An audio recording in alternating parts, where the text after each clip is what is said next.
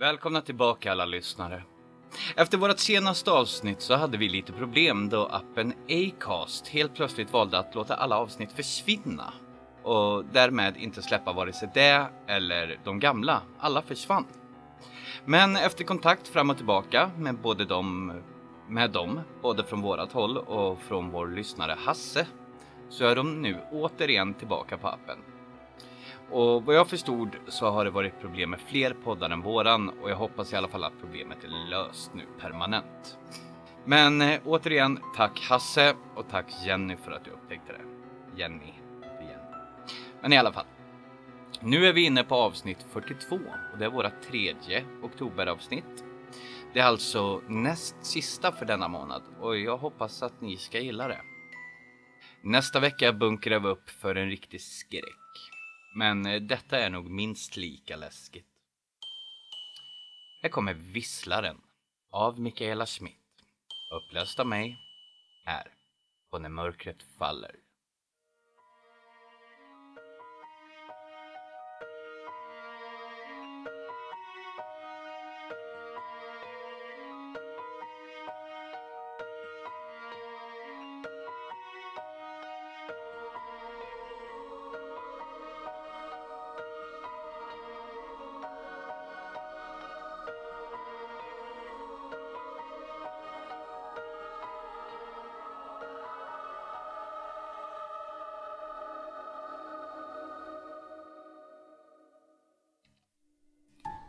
Det spökar i min yngsta dotters lägenhet. Ja, ni får tro vad ni vill, men det gör det faktiskt. Eller åtminstone så finns det något där som absolut inte borde finnas. Varken där, någon annanstans eller ens överhuvudtaget. Hon bor i ett stort gult gammalt trähus i två våningar. Det är väl bevarat, väl omskött och hon har en stor fin altan på bottenvåningen. Inuti är huset lite udda planerat. En del rum är pyttesmå medan andra är onödigt stora. Men det är väldigt fint och har en gammaldags charm som gör att det känns som att man flyttar tillbaka i tiden så fort man kliver innanför dörren. Det finns en stor gammal trädgård också. Jättefina smidesgrindar som får en att tänka på kvinnor i långa klänningar, handskbeklädda händer, höga hattar och spetsparasoller. Huset var förr i tiden en läkarmottagning med tillhörande bostad för traktens läkare, men är sedan länge ombyggd till bostad. Men som sagt, det spökar. Det märktes av från allra första stund och det gör sig ofta påmint. Det började med tydligt tunga fotsteg. De gick det inte att ta miste på eller undgå att höra. Men det gick aldrig att hitta någon förklaring till dem. I anslutning till hallen finns det en klädkammare och då och då kunde man höra distinkta och tydliga knackningar där inifrån. De hittade vi heller aldrig någon förklaring till. När de bott i huset någon månad avtog både fotsteg och knackande och till slut försvann det helt. Men istället började visslingarna. Någon visslade högt och ljudligt den där tvåtoniga melodin som man brukar använda när man visslar på en hund, fast lite långsammare. Man kunde höra den där visslingen då och då på olika platser i huset. Ibland i köket, ibland i något annat rum. Ibland alldeles intill örat så att det nästan slog lock för öronen. Ibland lite längre bort. Eller i något annat rum. Man fick nästan intrycket att någon gick runt där inne letade och visslade efter sin hund. Kallade på den. Så lät det i alla fall och därför trodde vi att det kanske var där det var. Någon bortgången husse eller matte som inte kunde sluta leta efter sin fyrbente vän. Människor är olika och reagerar olika på olika saker. Samma saker också för den delen. Själv tyckte jag att visslingarna var lite läskiga. Sorgliga men läskiga och väldigt, ja, ensamma. Men bara lite, för det hela var ju ändå bara ett ljud som det gick att på något sätt bortse ifrån. Ja, det störde mig, ja, visst, men inte särskilt mycket och mest på kvällarna när allting annat tystnade och visslandet blev så mycket tydligare än på dagen. Min dotter däremot reagerade inte alls på samma sätt. Hon konstaterade bara lugnt att det tydligen inte bara var hon som bodde där. Snart döpte hon den som orsakade det där fenomenet till Visslaren och tyckte lite synd om honom för att han inte får tro. Hon har aldrig haft problem med att säga vad hon tycker och tänker och det inkluderade även Visslaren. Tyst med dig Visslaren, kunde hon säga. Jag försöker koncentrera mig och du stör. För det mesta tystnade faktiskt visslingarna när hon sa till. Det verkade fungera helt enkelt och efterhand så vande hon sig vid det där. Det var hennes sätt att hantera honom och att han hela tiden fanns där med sitt visslande. Veckorna gick och visslaren nästlade sig in i hennes vardag. Hon slutade reflektera över det och noterade det knappt ens längre, utom när hon blev störd av det. Efter att visslaren nästan skrämt vettet ur en enveten dörrförsäljare lärde hon sig att ta för vana att säga till visslaren att tiga när hon hade vänner där. Och det verkade han finna sig i för det allra mesta. Så gick veckorna och så som jag uppfattade det var visslaren och hans existens inte på något sätt ett problem utan hon tyckte att han hörde till huset lika mycket som hon gjorde det. Och så var det inte mycket mer med den saken. Nej, vilken kass historia tänker ni nu. Visslaren är inte ens läskig. Inte ens för den som tvingas bo med honom. Men vänta. Det är inte som ni tror. Inte som vi trodde heller för den delen skulle det visa sig. Min dotter bor i en annan stad och det är en bra bit att åka. Därför hälsar inte jag på så jätteofta, men när jag väl gör det brukar jag istället stanna några dagar. Jag var där och hälsade på över helgen för ett tag sedan och det brukar vara både trevligt och mysigt trots visslaren. Men den här gången blev det annorlunda. Först var allt som vanligt. Vi pratade, hon bjöd på mat och vi pratade ännu mer och ja, ni fattar säkert. Alla har väl mammor eller andra nära släktingar som hälsar på ibland. De flesta i alla fall. Sent på kvällen satt vi i soffan i vardagsrummet och försökte se en bra film på TV. Det gick så där för vi kunde inte låta bli att prata hela tiden. Så ingen av oss hängde med i handlingen vilket ledde till ännu mera prat och en del ganska fånigt fnissande. Visslaren hade inte hört av sig på hela tiden. Vi hade inte nämnt honom eller ens pratat om andra saker i den stilen. Vi var lugna, glada, ja, fnissiga och inte särskilt trötta trots den sena timmen. Plötsligt knackade det hårt på ytterdörren. Soffan vi satt i stod placerad precis under fönstret som vette mot den lilla trappen och trappavsatsen utanför hennes ytterdörr. Så vi vände båda två på huvudet för att se vem som kom och knackade på så här dags på kvällen. Vi såg ingen där utanför och tittade förvånat på varandra.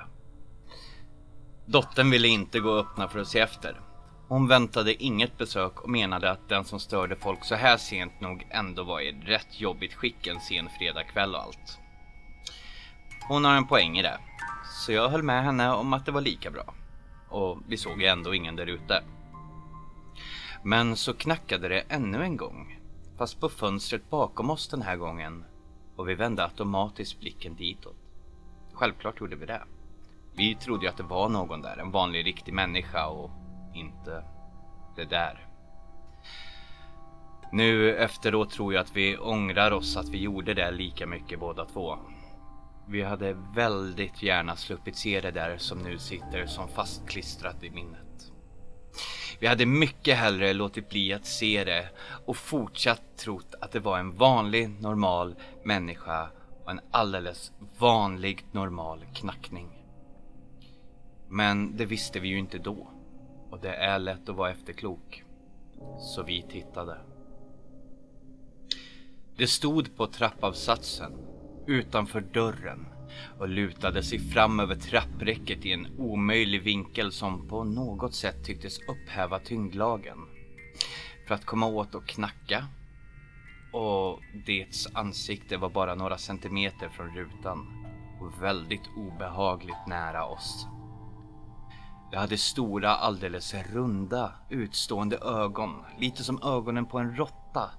Fast med iris och pupiller som en människa. Näsan var liten men så upptryckt att den påminde om ett tryne. Om munnen. Dets mun var alldeles för bred och det log för stort. Från örsnibb till örsnibb. omöjligt, orimligt brett med alldeles för många, alldeles för små tänder blottade. Det såg ut som ett stort sår som öppnade sig i dets ansikte snarare än det leende man förstod att det skulle föreställa. Huden var gulblek och den såg tjock och läderartad ut. Det halvlånga råttfärgade håret hängde i smutsiga stripor och tovorna dolde bara nästan de kala fläckarna på huvudet. Och det bara log och log. Tjejerna i min familj har aldrig varit av den sorten som piper. Ingen av oss är skrikare utan vi är snarare sorten som fryser till is och måste få en puff i ryggen för att fly undan fara. Just den här gången skulle vi nog ha pipit om vi bara hade kunnat. Men det var i alla fall inget fel på rörelseförmågan för vi kastade oss båda ur soffan och rusade in i köket utan att få med oss våra saker. Människor är flyktdjur i grunden. Vi är inget undantag. Och nu flydde vi i total panik ut i köket som skrämda bytesdjur jagade av ett hungrigt lejon. Som om det skulle hjälpa. Där blev vi kvar en bra stund medan vi försökte prata oss lugna och sa saker som vi måste ha sett fel och vi inbillade oss nog skrämde upp varandra. Det finns inte en, någonting som ser ut sådär. Till slut måste vi ju våga oss in i vardagsrummet igen. Det fattade vi båda två. Vi var tvungna. Våra telefoner låg kvar där och min medicin. Och vi hade rusat iväg från ett brinnande stearinljus som stod på bordet där inne. Vi måste fatta mod. Vi var tvungna. Det fanns ingen val.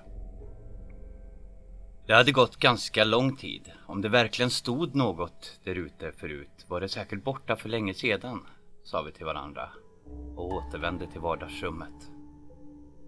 Men det var det inte. Det var inte borta. Det stod fortfarande där och kikade in med ansiktet tryckt mot rutan. Och det, det log fortfarande och visade alla sina för små och för många tänder. Det tycktes fortfarande ha leder på helt omöjliga platser. Och det tycktes fortfarande upphäva tyngdlagen där det hängde över räcket i en helt omöjlig vinkel. Vi slet åt oss där vi kommit för att hämta och dottern släckte stearinljuset samtidigt som vi hela tiden höll koll på det. Sedan började vi försiktigt backa ut ur rummet. Vi vågade faktiskt inte vända ryggen åt det. Och därför såg vi. Jajamän. Vi såg. Det blinkade långsamt med ögonen mot oss. Och det fruktansvärda leendet tog ut. Oändligt långsamt och mödosamt formade det om sitt sår till mun till ett runt svart och tomt hål. Och det visslade den där tvåtonsmelodin.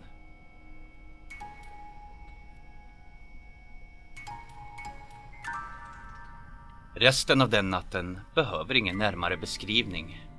Ni förstår säkert själva hur otroligt inte kul det var och hur vi inte sov särskilt mycket alls. Vi höll oss borta från fönstren, vi hade sett mer än nog. Men vi visste ju båda att vi flera gånger hört visslaren inne i huset. Vem vet vad visslaren ville och vem vet varför det valde att visa sig. Visslaren var inte alls det lilla sorgsna fenomen vi hela tiden trott att det var, utan någonting helt annat.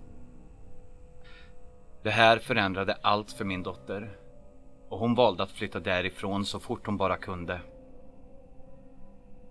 Men som alla vet går det inte så fort som man vill att flytta alla gånger. Och den period som gick mellan att vi stod öga med öga med visslaren med bara en tunn glasruta emellan och att hon äntligen fick flytta därifrån.